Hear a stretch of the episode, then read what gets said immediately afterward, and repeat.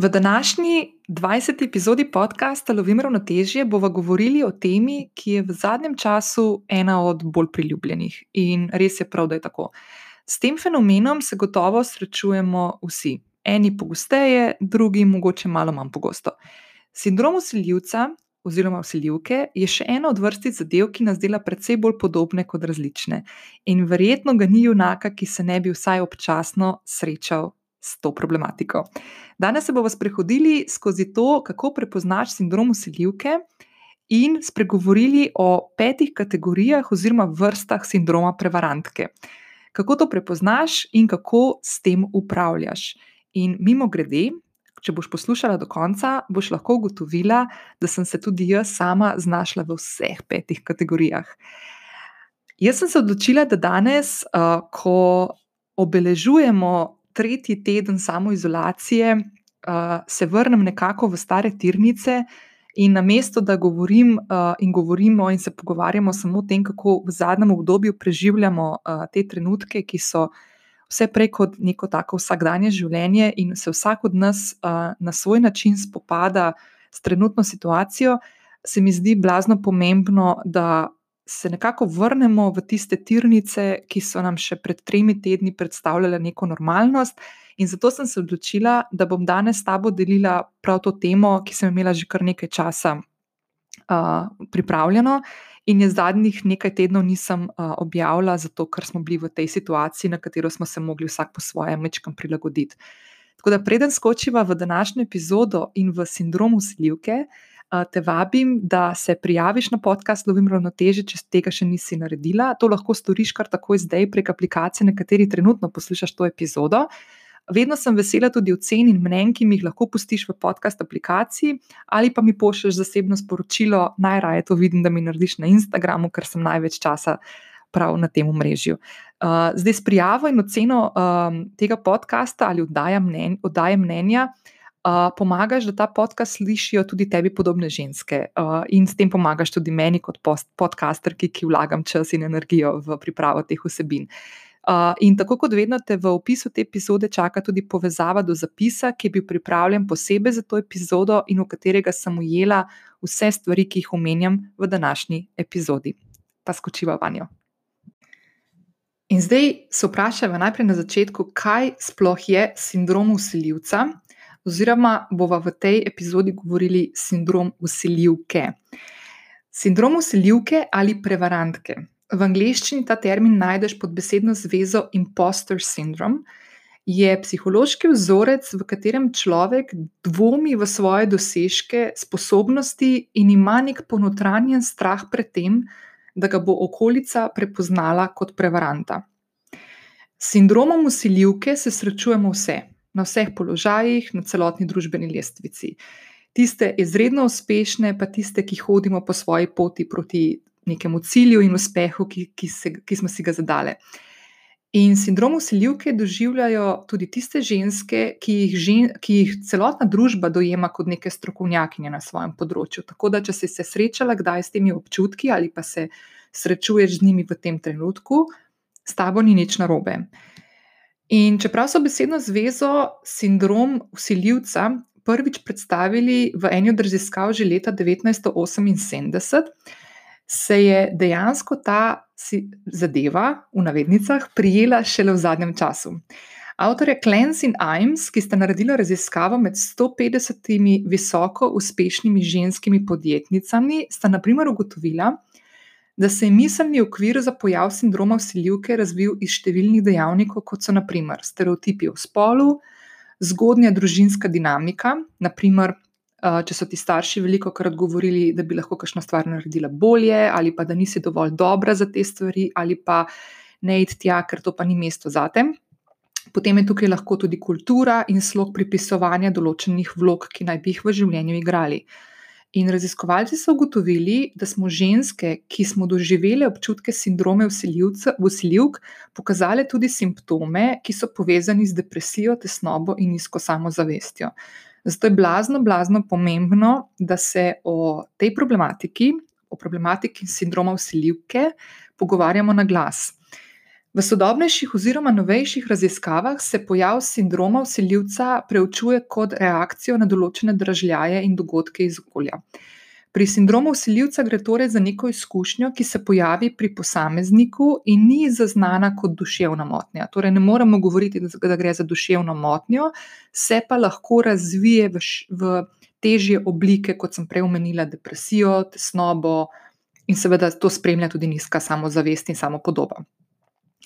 Zdaj, angliška raziskava, povezavo do rezultatov bom zapisala v zapisu te epizode, ki ga boš našla na moji spletni strani, je pokazala, da se je kar 85 odstotkov delovno aktivnega prebivalstva počutilo neustreznega ali nekompetentnega za upravljanje tistega dela, ki so ga upravljali. In med temi jih je le 25 odstotkov vedelo, kaj je to sindrom usiljivca. Zato je tako zelo pomembno, da se bomo danes o tej zadevi resnično, resnično pogovorili in v njo poglobili.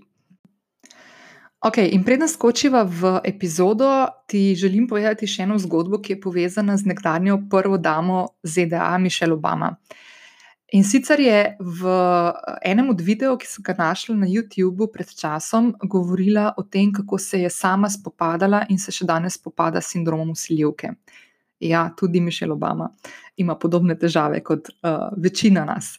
Uh, Mišel Obama je svojo izkušnjo prepletla z otroštvom, v katerem je pogosto slišala, da ni dovolj dobra, oziroma da ne sodi v določeno sobo. Koliko od nas ima na svoje otroštvo podobne spomine, oziroma kakšne zgodbe, ki so se nam odvijale? Pa tukaj ne želim uh, obračati nekih žarometov na naše starše, ker verjamem, da so naši starši delali po svojih najboljših sposobnostih in delali uh, z znanjem, ki so ga v tistih trenutkih, ko so nas vzgajali, imeli pri roki. Ampak občutek, da ne pripadaš, oziroma da ne sodiš v določen krog ali pa družbeni razred ali pa skupino priljubljenih učencev v šoli ali pa najbolj uspešnih sodelavcev v tvojem, v tvojem delovnem okolju, prihajajo in izhajajo iz našega otroštva in iz vzgoje, v kateri smo odraščali oziroma smo jo bili deležni. In vprašanja, kot, si, kot so, ali sem dovolj dobra, ali imam kaj pametnega zapovedati, so tiste vprašanja, ki nakazujejo na to, da imamo težavo pri um, neko nizko samopodobo in samozavestjo, ki je pa odlična za nastanek sindroma usiljivke.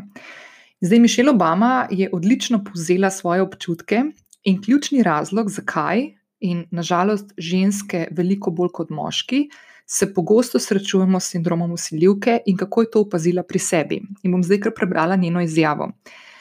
Bila sem verjetno v, uh, v vseh um, najbolj močnih uh, sobah in z najmočnejšimi mizami na svetu, ki si jih lahko kadarkoli predstavljate. Delala sem z neprofitnimi organizacijami, bila sem uh, v fundacijah, delala sem v korporacijah, bila sem na sejah najmočnejših G7 držav na svetu, imela sem sedež v Združenih narodih. Povem vam, da ljudje, ki sedijo v teh sobah za temi mizami, niso tako zelo pametni in vsekakor niso bolj pametni od tebe. Ampak ti ljudje, in nažalost gre večinoma za moške, so celo življenje živeli in odraščali v prepričanju, da v te sobe sodijo. Se pravi, tukaj je ta razlika že v samem zgodnjem otroštvu in odraščanju, ki, v kateri smo bili nekateri deležni tega, da, hej, kaj se pa greš, ti sem ne sodiš, ali pa. Laufi tja, tja moraš iti, ti se moraš tam uh, pojaviti, v tisti sobi, tam je prostor za te. Tako da to je tak uh, ključen moment, uh, na katerem se potem postavi en lep, lep temelj za nastanek sindroma usiljivke oziroma, oziroma prevarantke. Ok, zdaj kako sploh prepoznaš sindrom usiljivke? Torej, uh, sindrom usiljivke oziroma prevarantke povzroča, da ljudje dvomimo v naše dosežke, sposobnosti in izkušnje. Pri tem pa se ob enem bojimo, da nas bo naša okolica prepoznala kot goljufe. Sindrom usiljivke lahko prizadene vsako od nas, ne glede na delo, ki ga upravljaš ali pa tvoje socialno stanje. Iz ene od raziskav, ki so jo upravili leta 2011, je razvidno, da se bo sindrom usiljivke oziroma usiljivca v svojem življenju srečalo vsaj enkrat 70 odstotkov populacije. Pri tem prevladujemo ženske, ki stremimo za uspehom, ki smo nekako osredotočeni na to, da v svojem življenju obkljukamo vse tiste stvari, ki jih dojemamo kot uspeh. Veliko ljudi s sindromom usiljivca uh, se, se, se s tem sreča v nekem omejenem času, naprimer v prvih tednih nove zaposlitve, drugi pa se skozi celotno življenje borimo s tem občutkom in poskušamo upravljati z njim. Zdaj, če boš se osredotočila na sebe in poskušala pri sebi ugotoviti ali poiskati neke simptome sindroma usiljivca oziroma usiljivke, uh, se lahko osredotočiš na nekaj, na nekaj teh točk, skozi katere se bomo zdaj sprehodili. In sicer naš občutek samodvomljenja lahko pomaga, da znamo določiti neko realno oceno naših sposobnosti, dosežkov in usposobljenosti za določeno delo ali neko mesto v okolju, ki ga zasedamo. In zdaj, če ta občutek preveč napihnjen, potem bomo težko razvili neko realno samopodobo. Uh, to lahko pripelje do, do uh, simptomov stiske, ki so značilni za sindrom usiljivke. In med temi so najpogostejši naslednji. Prvič, skrbi, da ne bomo izpolnili pričakovanj. Veliko od nas se s tem občutkom sooča, ker se enostavno bojimo, da bodo naši kolegi ali pa nadrejeni od nas pričakovali preveč. Druga stvar je lahko izogibanje dodatnim odgovornostim. Naprimer, tisti, ki se soočamo s sindromom usiljivke, se radi potopimo v delo, ki ga že imamo, in se s tem izognemo sprejemanju nekih dodatnih nalog, skozi katere bi konec koncev lahko dokazali, da smo čisto dovolj sposobni, da jih izpeljemo. Lep primer tega je, da naprimer, se človek, ki se bori z nekim sindromom usiljivca, ne loti prostovoljnega dela v okolju, kjer živi, ker to dojema kot odvračanje pozornosti do svojega siceršnjega dela ki bi tako, po njegovem mnenju, ogrozilo cilj in kakovost njegovega dela. Tretja točka: zataknjenost v ciklu prevaranta. Če doživimo nek uspeh, s tem ustvarimo nepreklinjen cikl samodvoma. Vsakič, ko nekaj dosežemo, postanemo zaskrbljeni, da bodo drugi odkrili pravo resnico o tem, da dejansko nismo sposobni. Uh, in potem se začnemo tukaj ciklati in ne znamo več priti iz tega ven. Četrtič, Uspeh pripisujemo zunanjim dejavnikom. Naprimer, človek, ki trpi sindromom usiljivca, zanika svojo sposobnost in pogosto zato zunaj išče razloge za neke svoje uspehe. In obenem tudi verjame, da mora, da mora delati veliko bolj kot drugi, da doseže enak cilj. Peta točka je samo sabotaža. Ljudje, ki smo nagnjeni na sindrom usiljivca, imamo nižjo samozavest in samo podobo in se borimo s strahom pred neuspehom nenehno doživljamo stalen nek notranji boj med doseganjem uspeha in izogibanjem, da bi bili razkrinkani. In ta boj mnogim od nas pripričuje, da bi dejansko posegli uh, in dosegli nek svoj potencial v življenju, ki ga lahko damo od sebe. In zadnja točka je, da uh, nenehno smo nekako nezadovoljni pri svojem delu. Ljudje s sindromom usiljivca se običajno počutimo nesrečne pri delu, ki ga upravljamo, in dojemamo lahko svoje delo kot premalo iz, uh, izzivno, se pravi, da je premalo izzivov, čeprav se zaradi strahu pred neuspehom in razkrinkanjem ne poslužujemo tega, da bi iskali neke dodatne možnosti dokazovanja, da bi si želeli napredovati ali iskati neke dodatne odgovornosti pri delu. In zato običajno postanemo in ostanemo na svoji poziciji, ker ne verjamemo, da bi lahko, da bi lahko bili boljši. Sedma točka je izogibanje povišicam. Zaradi podcenjevanja svojih sposobnosti in znanj znamo zanikati svojo vrednost. Zato se težko lotimo komunikacije z nadrejenimi o nekem povišanju plače, ker ne verjamemo, da si za naše delo zaslužimo više plačilo. In zadnja točka je, da pretiravamo pri ciljih in nalogah. Zdaj, zaradi intenzivnega strahu pred neuspehom in potrebi po biti najboljši, lahko pridemo do situacije, ko začnemo pretiravati pri svojem delu. Postavimo si lahko nerealne cilje in smo zato hitreje soočeni z razočaranjem, ko jih ne, ne dosežemo. Ok, zdaj, ko smo, ko smo identificirali trenutke, v katerih lahko v določenih situacijah tudi iz najnega življenja ugotoviva, ali imamo težavo s sindromom usiljivke oziroma prevarantke ali ne, se bomo lotili naslednje točke in sicer tipe oziroma kategorije sindromom usiljivke. Dr. Valerie Young je naredila to raziskavo in prišla do spoznanja, da obstaja pet vrst kompetenc oziroma notranjih pravil, ki jih ljudje zasledujejo, ko se borijo z zaupanjem. In s to kategorizacijo si lahko pomagamo pri samoodkrivanju in prepoznavanju slabih navad ali vzorcev, ki nas lahko odvrnejo od doseganja našega polnega potencijala. Vsem petim kategorijam je pripisala tudi način, kako z njimi upravljamo in kakšno vprašanje si lahko postavimo, da ovržemo trenutne vzorce, oziroma vprašanja, pri katerih prepoznamo, če se morda tudi same ukvarjamo s to problematiko na podzavestni ravni, oziroma se nam to dogaja, pa da se do tega trenutka niti nismo zavedali tega. Prva kategorija je perfekcionistka. Perfekcionizem oziroma iskanje popolnosti in sindrom usiljivca gresta pogosto z roko v roki. Pomisli. Perfekcionistke si pogosto postavljamo previsoke cilje, in ko jih ne dosežemo, občutimo dvome in razočaranje. In v to kategorijo sodijo tudi v navednicah kontrol friki, se pravi ljudje, ki so obremenjeni z nadzorovanjem dela oziroma vsega, kar se dogaja okoli njih. Slednji pogosto delo opravijo sami, ker verjamejo, da ga znajo edino oni pravilno upraviti. In kako veš, če v to kategorijo sodiš tudi ti? Zdaj bom postavila štiri vprašanja, pa sama pri sebi poišči odgovor, oziroma ali prepoznaš kakšno situacijo, s katero se tudi sama velikokrat ukvarjaš, ki ti lahko pomaga, da ugotoviš, da mogoče pa je to stvar, s katero se ti trenutno ukvarjaš. Ti je kdaj kdo očital, da pri delu posebno pozornost namenjaš detajlom in da delaš neko tako mikrovodenje dela, spravi nek micromanagement?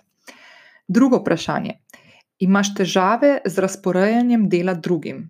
In tudi, ko uspeš delegirati delo, ali se ob tem počutiš zafrustrirano in razočarano nad rezultatom? Tretjič, ko ne dosežeš tisto zelo visoko oceno ali cilja, ali se samo obtožuješ, da za to delo nisi dovolj dobra, in o tem govoriš več dni, vsakemu, ki ima pet minut časa.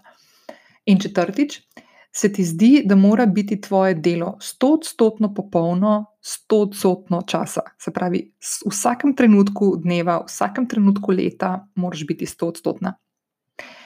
Zdaj, perfekcionistke so redno zadovoljne, ker verjamejo, da bi lahko bilo še boljše. In seveda to ni produktivno, niti ni zdravo. V življenju moramo poznati in znati praznovati uspehe, če se želimo izogniti težavam. Ena od teh težav na dolgi rok je lahko tudi vedno bolj priljubljena tema izgorelost. Obvezno se moramo naučiti praznovati, poiskati notranje zadovoljstvo in s tem krepiti samozavest. Naučiti se moramo sprejemati napake in na njih gledati kot na del poti, ki jo moramo prehoditi. Pomembno je, da začnemo z delom, preden imamo občutek, da smo pripravljene. In resnica je, da nikoli, nikoli ne bo dovolj časa, in naše delo ne bo nikoli, nikoli stoodstotno brezhibno. In prej, kot se bomo s tem soočile in to sprejele, bolje bo za nas in za naše mentalno zdravje. Druga kategorija, super ženska. In zdaj pomisli na to. Ljudje, ki se borijo s sindromom usiljivca, so prepričani, da so lažnivci in prevaranti, obdani sodelavci, ki so vsi po vrsti bolj sposobni, bolj kompetentni in boljši pri delu. In zato se trudijo veliko bolj, delajo veliko več, in je z njimi pogosto težko tekmovati v delovnosti in pridnosti. Ampak to lažno prikrivanje negotovosti, ki ga nosijo v sebi, in prepletenost s preobremenjenostjo z delom, škodi ne le njihovemu duševnemu zdravju, ampak tudi odnosu, ki, ki jih gradijo z drugimi ljudmi. A si super ženska? Štiri vprašanja. Ali v pisarni ostajaš veliko dlje od drugih v tvoji ekipi, tudi če si z delom za tisti dan že končala? Drugič, ali si pod stresom, ko ne delaš in imaš občutek, da je prosti čas povsem nepotreben? Tretjič, ali si svoje hobije in strasti postavila v kot in vso pozornost usmerila v svoje delo? In zadnje vprašanje. Imaš občutek, da si ne zaslužiš naziva, ki ga imaš pri delu, kljub vsem nagradam ali pa dosežkom ali pa temu, da, te, da dobiš pohval veliko? Imaš občutek, da moraš delati več in dalj časa kot vsi okoli tebe, da skozi dokazuješ to svojo vrednost? In zdaj deloholiki so zasvojeni s, pretira, s potrjevanjem, ki izhaja iz njihovega dela. Zato začni trenirati, da sama sebe oddališ od teh nekih zunanjih potrditev. Nauči se sprejemati konstruktivno kritiko, vzemi jo resno, a ne osebno. Ko se boš naučila notranjega potrjevanja in boš s tem negovala svojo notranjo samozavest, ki ti bo rekla, da si dovolj dobra in sposobna, boš stopila s plina in znala sama oceniti, koliko dela zahteva od tebe določena naloga. Tretja kategorija je naravni geni. Zdaj, predvsem mlajši, ki imajo ta sindrom, sindrom usiljivca, mislijo, da morajo biti že neki rojeni geniji. Kot takšni svoje sposobnosti ocenjujejo na podlagi neke lahkotnosti in hitrosti, in v enačbo ne vključijo napora, ki ga za delo vložijo. Se pravi, z drugimi besedami to pomeni, da če nekaj traja dolgo, da, oziroma če traja dalj časa, da nekaj obvladajo oziroma se naučijo, mislijo, da niso uspešni in jih napade sram. Ta vrsta usiljivca ima izredno visoko notranjo mejo, podobno kot jo ima, naprimer, perfekcionist. Vendar naravni genij sebe ne presoja na podlagi smešnih pričakovanj, ampak tudi dejstva, ali delo opravijo v prvo.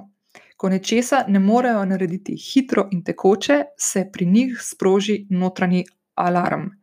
In zdaj, kako ugotoviš, če si naravni geni, ali si vajena, da brez večjega napora dosegaš odličnost. Si večinoma dobivala same petke ali pa desetke v vsem, česar si se lotila v šoli in na fakulteti. Ali si pogosto dobila sporočilo, da si ta pametna in najboljša v družini, oziroma med vrstniki, sodelavci, sošolci, prijatelji? Ti ni všeč ideja o tem, da bi imela mentorja, ker si prepričana, da vse stvari lahko praviš sama. Ali pa se sama naučiš, na hitro, seveda. Se tvoje samozaupanje stopi, ko prideš do ovire, in ali ob tem doživiš občutek sramu? Ali se pogosto izogneš izzivom, ker ti je neprijetno poskusiti nekaj, v čemer nisi najboljša? Če želiš narediti korak stran od tega, se moraš zavedati, da smo vsi ljudje celo življenje work in progress, nedokončano delo. Če želiš uresničevati svoje cilje, se moraš sprijazniti s tem, da se boš celo življenje učila novih znanj, spoznanj in spretnosti, in to velja za vse ljudi, tudi za tiste najbolj samozavestne, najbolj bombastične, ki dajo občutek, da že vse vejo. Namesto da si učitaš, ko nečesa ne dosežeš v nerealno visokih obratih ali pa na neke nerealne cilje, identificiraj posamezna vedenja, ki jih lahko spremeniš, da boš skozi čas izboljšala svoje znanje in spretnosti in predvsem, da si malo bolj prijazna do sebe, ker nihče na svetu se ne rodi geni. Četrta kategorija je solistka. Gre za tiste od nas, ki imamo občutek, da nas bodo razkrinkali, če ali pa prosimo za pomoč. In seveda je krasno, če smo neodvisne in stvari lahko naredimo same, ampak ne na račun dokazovanja svoje vrednosti v svojo škodo. In zdaj, kako prepoznamo, če smo solistke? Verjameš v to, da moraš vse stvari v življenju uresničiti in narediti sama? Ne potrebujem pomoči, je ena od najpogostejših misli, ki jih imaš.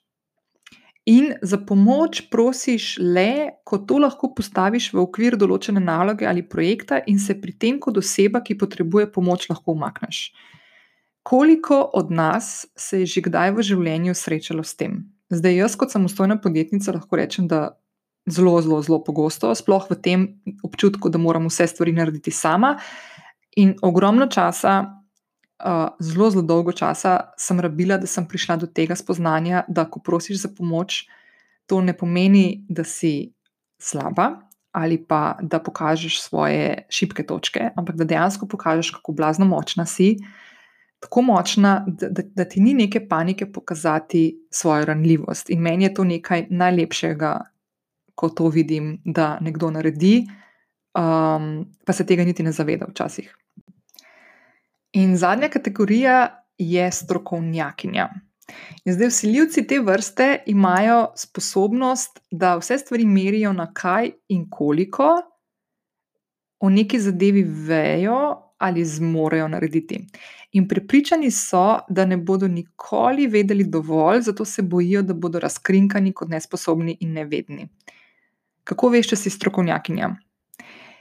Ali se na neko delovno mesto pri, ne prijaviš, če ne izpolnjuješ vse zahtevane točke, predvsem tistih, ki so povezane z izobrazbo? Nenehno iščeš spletne tečaje in delavnice, pa razne certifikate, ker verjameš, da moraš za uspeh nenehno nadgrajevati svoje znanja. Tudi ko igraš uh, neko delovno vlogo, dalj časa in imaš že razvite sposobnosti, izkušnje, vsi te prepoznajo, uh, da si strokovnjakinja, imaš še vedno občutek, da ne znaš stvari dovolj dobro. In ali te zaskeli, če te nekdo predstavi kot strokovnjakinjo na tvojem področju? Zdaj, seveda se celo življenje učimo in prav je tako. Ampak, ko stvari pripeljemo pregloboko, ko nenehno iščemo nova znanja, in začnemo dejansko odlašati s stvarmi ali pa nalogami, ki bi jih lahko povsem ustrezno izpeljali že danes, ker imamo za to dovolj znanja in izkušenj, tukaj se začne sindrom usiljivke. Zato lahko začneš vaditi pravočasno učenje. To pomeni, da lahko pridobiš neko novo znanje takrat, ko ga dejansko potrebuješ. Naprimer, če se tvoje delo ali odgovornost spremenita. Naprimer, da dobiš neko uh, novo delovno mesto, da zrasteš po neki lestvici znotraj podjetja, v katerem uh, deluješ in funkcioniraš, in se moraš prilagoditi novim, v navednicam, razmeram. Začni se zavedati, da ni sramu v tem, da prosiš za pomoč, pri tem ti lahko pomaga mentoriranje mlad, mlajših kolegic ali pa sodelavcev, ali pa neko prostovoljno delo v prostem času v tvoji najljubši organizaciji. Ko začneš delati tisto, kar že znaš, in ne koristiš samo drugim, ampak pomagaš tudi sebi pri zdravljenju, zdravljenju svojih goljufivih občutkov. A se razumeva? Se pravi, ko pozornost ne usmerjaš v sebe in v svoje občutke, ampak se dejansko osredotočiš na nekoga drugega in v svojim znanjem, izkušnjami in spretnostmi lahko pomagaš. Na tak način lahko lepo, lepo zdraviš svoj občutek sindroma usiljivke.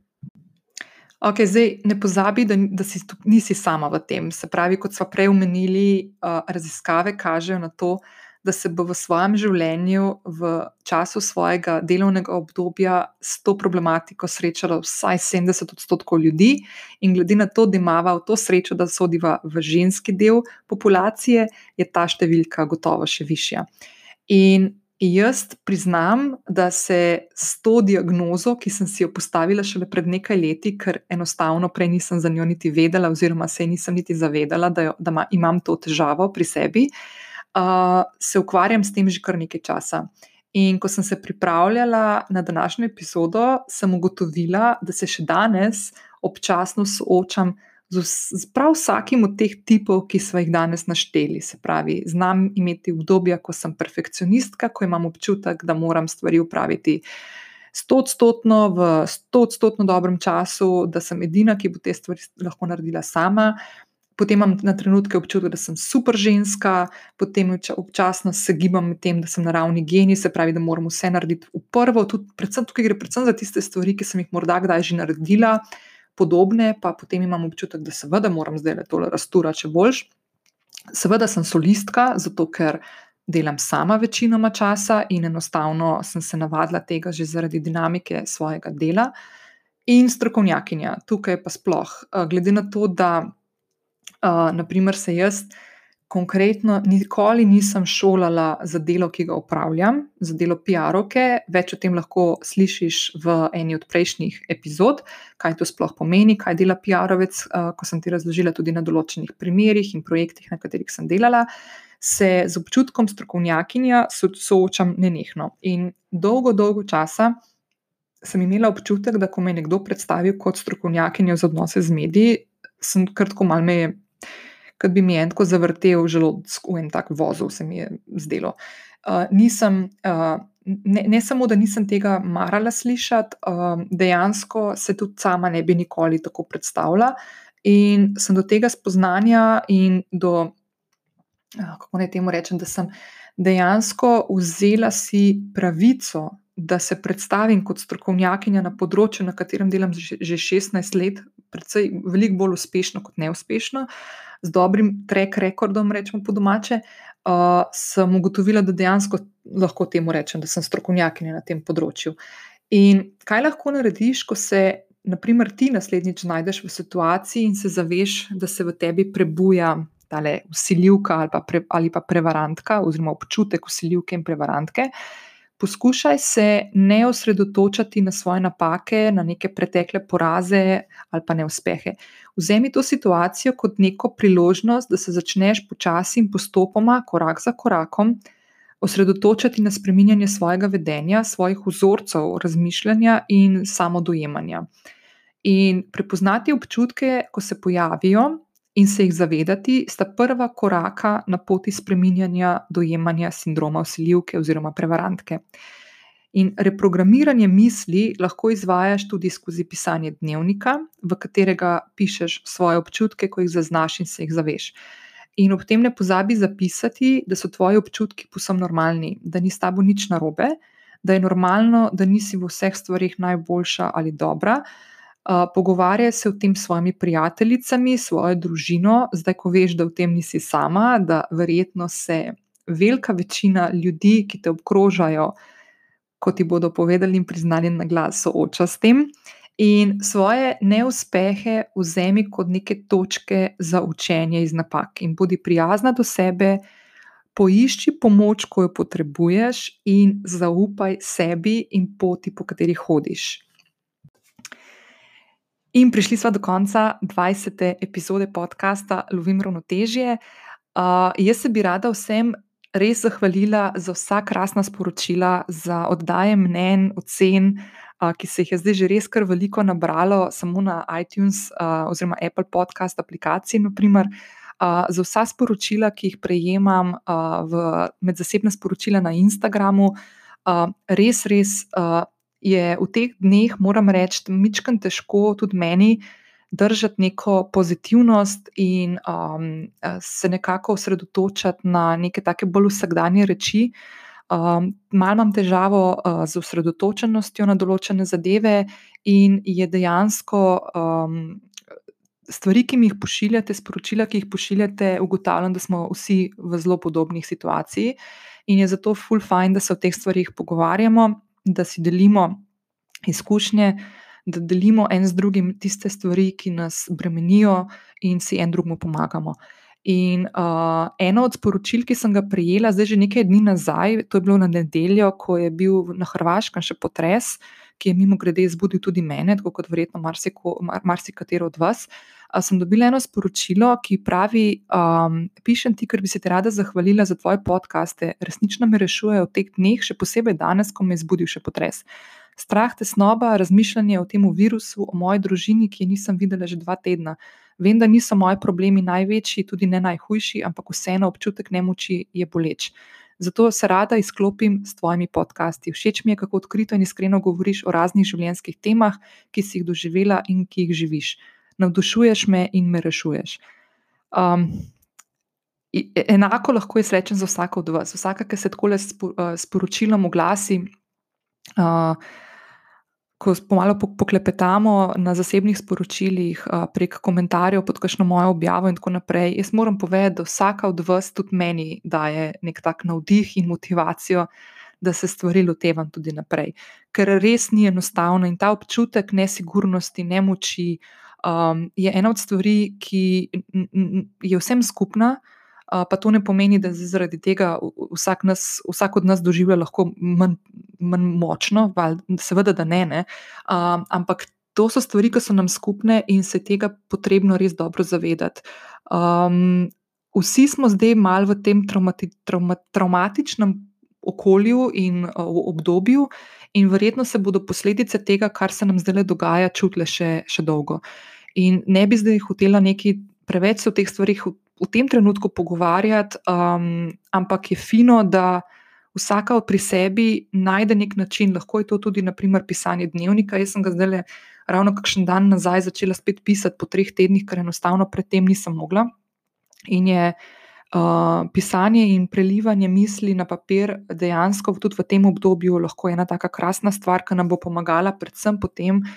Uh, ko bomo enkrat stopili iz te, uh, iz te situacije in se ukvarjali z našim mentalnim zdravjem, bistveno bolj kot se v tem trenutku, mogoče, ko imamo druge skrbi, ko nas skrbi za svoje zdravje, ko nas skrbi za preživetje in kako bomo te naslednje mesece, tedne uh, prebrodili.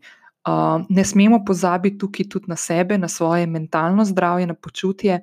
Uh, in poskušati že zdaj, mogoče, kakšne stvari delati na, um, na tem, da bomo potem, ko bomo se lahko malo bolj osredotočili na te stvari, imeli lažje delo.